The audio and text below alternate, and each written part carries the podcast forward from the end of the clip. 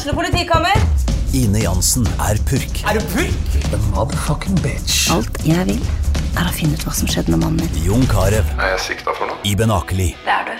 Ole So, Lars Berrum og Big Daddy Karsten. Hvem sin side er du på, egentlig? Anette Hoff, Tone Danielsen, Kommer du fra Afrika? Jørnis Josef, Nesten. Kløfta. Trond Espen Seim, Det er synd å si det, men det var feil mann som døde. Purk. Premiere tirsdag på TV2 Play.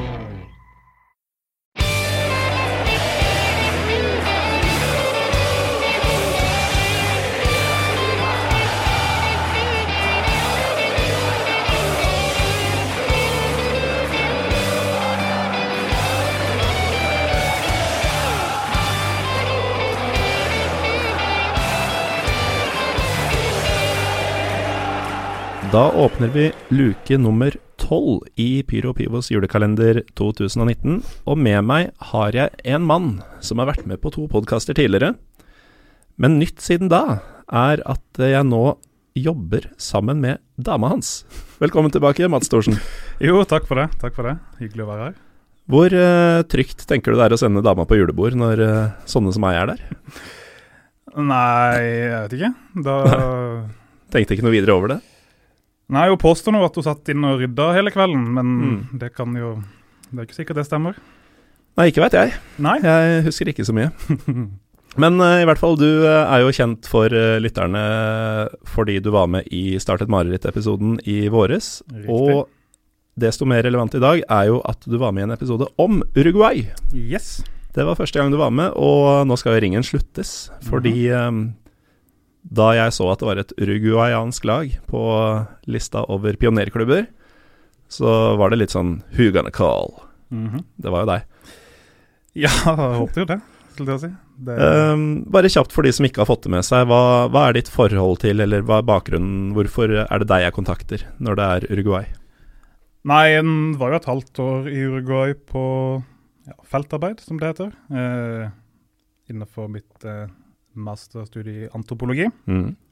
Så da var jeg et halvt år i Uruguay, og ja. Det er vel det. Så mye fotball. Så Ja, det blei litt fotball. det er litt. Fordi eh, en ting vi, eh, vi kom inn på der, var jo at eh, det er ikke veldig reisevei i Uruguay i det hele tatt. Og i hvert fall ikke mellom de aller fleste fotballklubbene. Nei, i 2015 var vel 14 av 16 lag fra Montevideo, og de to siste var rett utafor. Mhm. Så ja, nei, det er en byserie. Og vi, eh, vi skal jo til eh, Montevideo når vi tar for oss eh, dagens lag også. Altså for folk som er tapt bak en stein, så er altså tema for julekalen julekalenderen i år at vi tar for oss disse pionerklubbene. Altså den første uh, fotballklubben i, uh, i disse landene. I hvert fall etter visse kriterier, da. Noen ganger er det ikke det første fotballaget, men det er det eldste som fortsatt holder det gående, f.eks. Og allerede her er det vel noe som eh, skiller seg ut ved, med dagens klubb, eh, Albion Football Club, eh, Mats? Eh, ja, for det er den eldste fotballklubben i Montevideo. Men det er ikke den eldste klubben som har drevet fotball, hvis det går an å si det sånn. Fordi, Det går an å si det sånn, men du må Ja. nok forklare, forklare litt nærmere.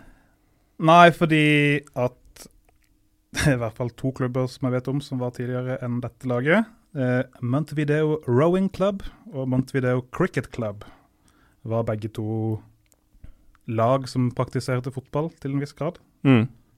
Men uh, har de, de har slutta med fotball siden da, regner jeg med, begge to? Du, det har jeg faktisk ikke sjekka, men det er vel sannsynlig at Det er i ingen av de lagene som spiller i toppdivisjonen. Det kan vi slå, slå fast. Men uh, Albion Football Club, altså bare navnet, gjør jo at det virker som om de føyer seg inn i rekka over uh, klubber som har blitt stifta av folk fra eh, noenlunde samme del av verden. Mm. Uh, hvordan kom disse til? Nei, det er jo som, som vi har hørt i flere luker, at britiske sjømenn og arbeidere fra, fra det britiske imperiet som, som har stifta denne klubben, da. Mm.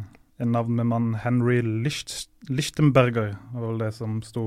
Hørtes ikke sånn veldig eh, engelsk ut?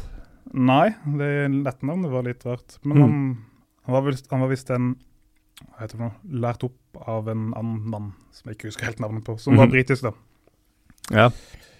Um, og um, de kom da til i juni 1891.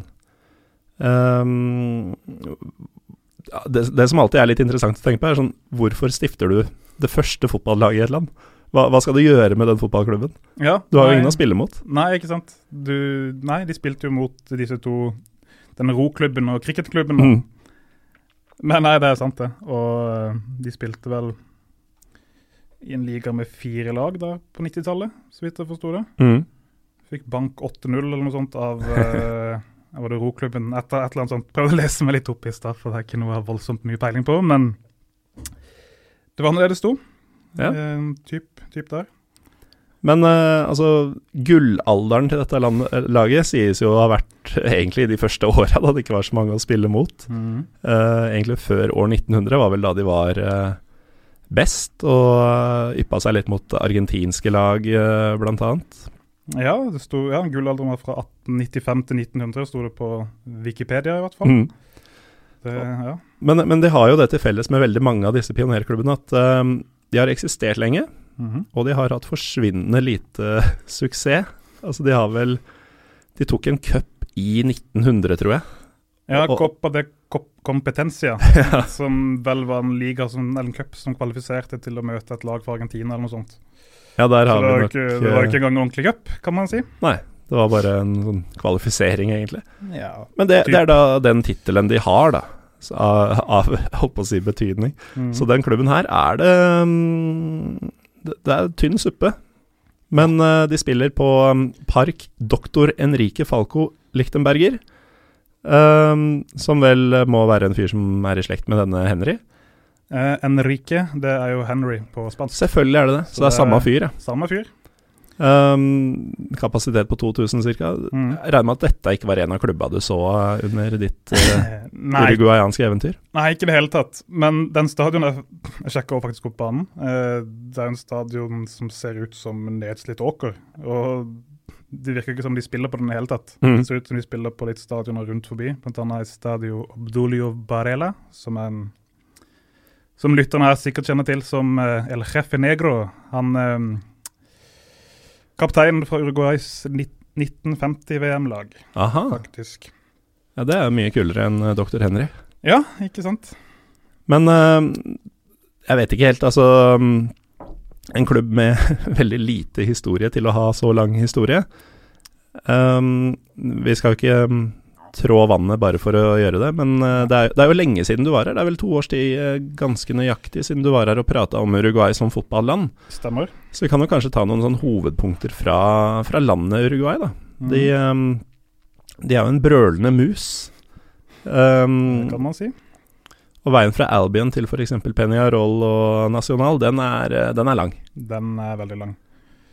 Fordi Eh. eh, og, altså mm, eh, Omgivelsene til en klubb som Albion, som kanskje spiller på en park med plass til 2000 folk, hvor det neppe kommer 2000 folk, til et kokende Montevideo-derby. Mhm. Ja, det, er- Det, det var ikke noe spørsmål, for så vidt. Jeg bare Nei, tenkte at det kan vi prate litt om. Ja, det er lang vei mellom der. Nei, altså Uruguay det er to lag. Det er Mm. to lag som har delt landet. Og Også noe som går igjen i mange av disse, er at eh, det er veldig mange fotballand har eh, de eldste klubbene stifta av briter, og de har eh, et par-tre klubber som bare eier markedet. mm. Ja, det Men hvor ekstremt er det i Uruguay? Nei, altså det er sikkert enda mer ekstremt her enn i veldig mange andre søramerikanske land, siden landet er så lite. Mm. Så man har i praksis bare to lag. Ja. Eh, Argentina har du flere. Du har liksom Boca River, men du har samtidig to klubber i Rosario. Du har ja, alt fra Independiente, San Lorenzo osv. osv. Brasil òg er det mange klubber, mange store klubber. Men Uruguay, du har bare de to, egentlig. Det, det er ikke noe mer. Nei, det er, det er de to som gjelder for, eh, for Gud og hvermann. Riktig. Um, du var på derbyet, du? Var det. Ja. Siste dagen min, så jeg holdt på å miste det. Men uh, Siste, altså, siste, siste, dag, dagen siste dagen min i Uruguay, ja. ja, Men ikke sånn at du så kampen og så dro til flyplassen? Mm, nei, jeg så kampen, og så eh, var det egentlig hjem og pakke og dra midt på natta. Ja. Så det var ganske rett etter, ja. Ja, det er tight. Mm. Um, var det? Det var fett. Jævlig kult. Men altså Laget mitt, da, som da var Peñarol, tapte jo eh, på et dramatisk vis. Eh, to utvisninger. Det Mhm. er ekstraomganger, for de spiller sånn ligafinale. Høstsesong mot vårsesong spiller en sånn finale om å møte sammenlagt vinner. Så da var det sånn at eh, Nasjonal vant både vår og sammenlagt. Så hvis Peñarol hadde vunnet, så måtte de møte Nasjonal på nytt. Men de tapte da etter eh, på overtid, nei, på, etter ekstraomganger. Mm. Men kampen ble jo avbrutt pga. Av røde kort til Peñarol, og da var Da sa min venn at eh, som jeg var sammen med der nede, han sa det at eh, nei, eh, vi vinner kanskje ikke kampen, men vi skal ikke la National få lov til å feire på stadion. Nei. Så da avbrøt de hele kampen ved å pælme seter ned på politiet, og, eller det vil si militæret, egentlig. Dette her er sånn type um, søramerikansk derby som ville fått godkjentstempel av Runar Skrauseth. Nei, sikkert. Men uh, Mats, som den um, sindige sørlendingen du i hvert fall virker som, da. Mhm. Um, hvordan takler du um, overfylte kjøpesentre og aggressive busspassasjerer nå i førjulstida her i Oslo? Eh, Hovedsakelig ved å unngå det. Mm. Er det Eh, mulig? Ja, jobber rett ved der jeg bor, så da, da slipper jeg unna det sånn daglige. Mm. Hva med handlinga? jeg har ikke begynt, da, så det, kom, det kommer vel snart. Vi får se hva som skjer. Yep. Og så du, du har jo bodd i Oslo en stund, eh, og jeg aner ikke hva sørlandstradisjonene er eh, til jul. Og mm, ja, hva, hva skjer i hjemmet til Mats Thorsen eh, 24. juni? Nei, 24. desember. 24. desember. Nei, det var juni. Ja, det hadde vært mye bedre. Nei, ikke så mye. Eh, min mor er fra Vestlandet, datter av en sauebonde, så vi har alltid hatt pinnekjøtt. Mhm. Og min far er fra Nord-Norge, så vi har egentlig ikke noe så mange sørlandske tradisjoner. Nei. Men har jo hørt at den Merkelig juletorsken type sørlending. Ja, litt. Født, nei, far fra nord, mor fra vest, født i sør og bor, bor i øst. Så litt sånn Ja. Nei, men jeg har hørt at juletorsken skal være det store, men jeg er ikke noe veldig fan av det sjøl. Det, det er kanskje den aller mest hverdagslige av de vanlige Egentlig er alle ganske hverdagslige, men, Ja. men den er verst. Det er sånn du kan spise mandag i Mm. september. Ja. Altså, lutefisk smaker jo verst, da. Det må jo selvfølgelig sies, men, men jeg er helt enig. Ellers følger jeg litt trym på at norsk julemat er jævlig kjedelig. Mm. Det er lite spennende, altså. Ja, det, det er salt og pepper som er krydderet, og så yep. er det noen poteter til og, og sånn. Mm. Um, jeg tipper at ganske mange som hører på, har eh, registrert at i hvert fall jeg er eh, litt off i dag. Og det har jo litt med elefanten i rommet, Mats. Fordi um, ifølge oss så er det jo nå torsdag 12. Mhm. Vi har fått svar på en del ting, men i virkeligheten så er det mandag ettermiddag, og vi aner ikke hvem av oss som er menneske etter kvalikkampen som for Mm. lytterne skjedde i går. Ja, nei, det Ja, nei, jeg vet ikke om jeg skal være glad eller sur nå. Så um, hvis det ikke er tydelig nok eh, at det, det har skjedd, eh, skjedd noe i går som dere burde lagt merke til nå, så er det fordi det ikke har skjedd ennå. Og vi, eh, vi er vel egentlig litt uh, stressa begge to. Ja. Vanskelig, vanskelig å konsentrere seg på jobb om dagen. Fins verre ting enn julestria for eh, sånne som oss, eh, gitt. Eh, Ja, det gjør visst det. Men eh, ja, jeg, jeg kan egentlig ikke si lykke til heller. Det, det blir bare rart, fordi det, det har jo skjedd. Skal vi bare gi oss, eller? Ja, er ikke det best? Jo, jeg tror det. God jul, Mats, og takk jul. for at du var med. Takk for at du kom. Ha det. Ha det.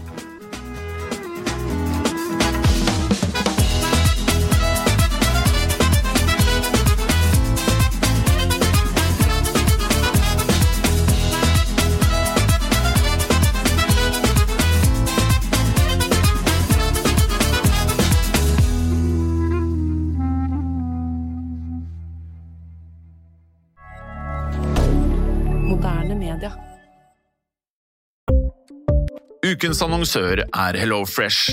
HelloFresh er verdens ledende matkasseleverandør og kan være redningen i en travel hverdag. Mange av oss har nok vandret i butikken både sultne og uten en plan for middagen, som ender med at vi går for de samme kjedelige rettene gang på gang. Middag burde være dagens høydepunkt. Som HelloFresh kan du nå velge mellom 25 ulike retter hver eneste uke, eller få HelloFresh til å sette sammen menyen for deg. Dette gir deg muligheten til å prøve nye og spennende retter alene eller sammen med familien. Du velger antall porsjoner og får alt levert på døren på et tidspunkt som passer for deg. Oppskriftene er enkle, og maten er lett å lage både for store og for små. Ved å få alt levert hjem får du også mer tid til å dele matgleden med familie og venner. Kanskje det frister med asiatiske tacos eller greskinspirert kylling? Da kan jeg anbefale deg om å gå inn på hellofresh.no. Her kan du bruke koden FOTBALL og få opptil 1779 kroner i rabatt på de første fem matkastene hvis du ikke har prøvd Hello Fresh tidligere. Du kan også bruke rabatten hvis du har vært kunde og stoppet abonnementet ditt for tolv måneder siden eller lengre. Gå inn på hellofresh.no og bruk koden FOTBALL. Har du et enkeltpersonforetak eller en liten bedrift? Da er du sikkert lei av å høre meg snakke om hvor enkelt det er med kvitteringer og bilag i fiken, så vi eh, gir oss her, vi. Fordi vi liker enkelt. Fiken superenkelt regnskap.